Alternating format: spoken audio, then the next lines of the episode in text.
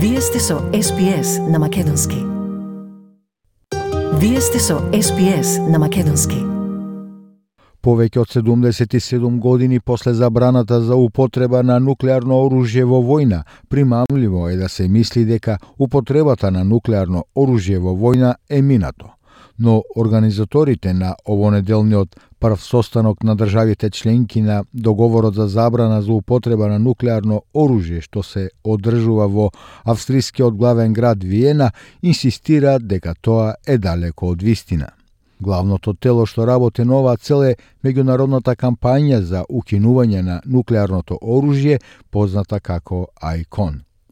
Во обраќањето на конференцијата, генералниот секретар на Обединетите нации Антонио Гутереш рече дека нуклеарното оружје го представува најлошото во човештвото во неколку форми, додавајќи дека нуклеарното оружје е глобална неволја, смртоносен подсетник за неспособноста на земјите да ги решат проблемите преку диалог и соработка. Nuclear weapons are a global scourge. A deadly reminder of countries' inability to solve problems through dialogue and collaboration. These weapons offer false promises of security and deterrence while guaranteeing only destruction, death, and endless brinksmanship. Today, the terrifying lessons of Hiroshima and Nagasaki are fading from memory. The once unthinkable prospect of nuclear conflict is now back within the realm of possibility. Се смета дека во светот денес само девет земји, Соединетите Американски држави, Обединетото кралство, Русија, Франција, Кина, Израел, Северна Кореја, Индија и Пакистан поседуваат нуклеарно оружје или се познати по тоа но господин Готереш вели дека секоја земја има обврска да направи се што може за да го спречи ширењето на таквото оружје. Тој вели дека разоружувањето е сечија работа, бидејќи самиот живот е работа на сите. Одлуките што ќе се донесат на овој состанок ќе помогнат да се зацврсти позицијата на договорот како суштински елемент на глобалната архитектура за разоружување и неширење на нуклеарното оружје. Disarmament is everybody's business because life itself is everybody's business. The decisions you make at this meeting will help cement the treaty's position as an essential element of the global disarmament and non proliferation architecture. And it will hopefully convince more countries to get on board.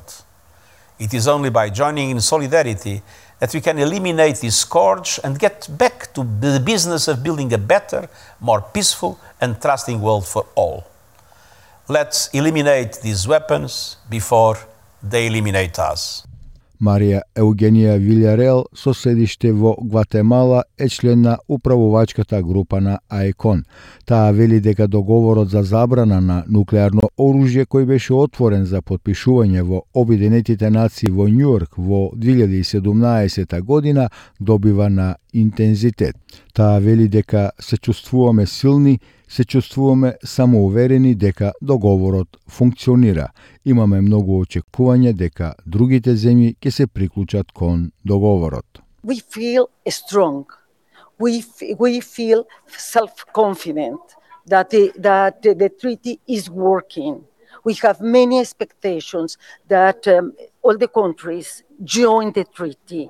That's why we are here with them talking about the consequences of the of the nuclear weapons, seeing how they can join the treaty and ratify the, the, the treaty, and in some way to get together to stigmatize the, these nuclear weapons.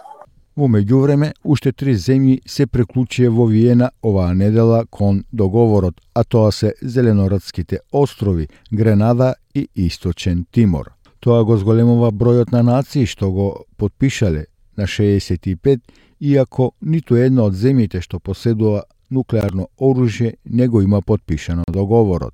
Господја Вилјареал вели дека мислењето дека гласовите на помалите земји не се сметаат за оваа прашање не е точно. We feel proud that most of the countries in Latin America and some countries in the Caribbean, that this is the case of Grenada, has ratified the treaty every country count in this treaty. It doesn't matter if they have nuclear weapons or don't have nuclear weapons.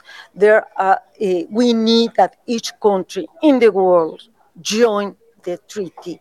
Австралија исто така присуствува на овој состанок, но како наблюдувач, представувана од пратеничката Сузан Темплман. Австралија се уште не е подписник на договорот. Гардијан објави дека група од 55 поранешни австралиски дипломати напишале отворено писмо до премиерот Ентони Албанезе, барајќи од Австралија да го ратификува договорот. Тоа е нешто за што господин Албанезе беше застапник додека беше во опозиција во 2018 година. Друго клучно внимание на оваа средба беа младите – Нигериецот Узочкуво Охајнере е дел од младинската делегација на настанот.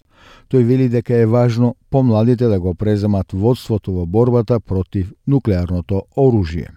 Quite frankly, we have a longer time to spend on this earth than older people because um, much of the people, most most of them are, you know, really old and they don't have much time left on earth. So they're going to have to pass the mantle down to the next generation and the next generation. So instead of having it change each generation, it's much better if young people take the mantle up and, you know, advocate over decades. Тој додава дека против двете закани, нуклеарното оружје и климатските промени, треба да се борат заедно. Вели дека дефинитивно постои врска помеѓу нуклеарното оружје и климатските промени во смисла дека тие две прашања представуваат единствена најголема закана за човековото постоење. There's definitely a nexus between nuclear weapons and climate change in the sense that those two issues pose the single greatest threat to human existence and it would be instructive for us to you know connect it find an intersectionality between those two issues and advocate alongside each other because they have to be addressed together. Неделата за забрана за употреба на нуклеарно оружје во Виена трае до 24 јуни.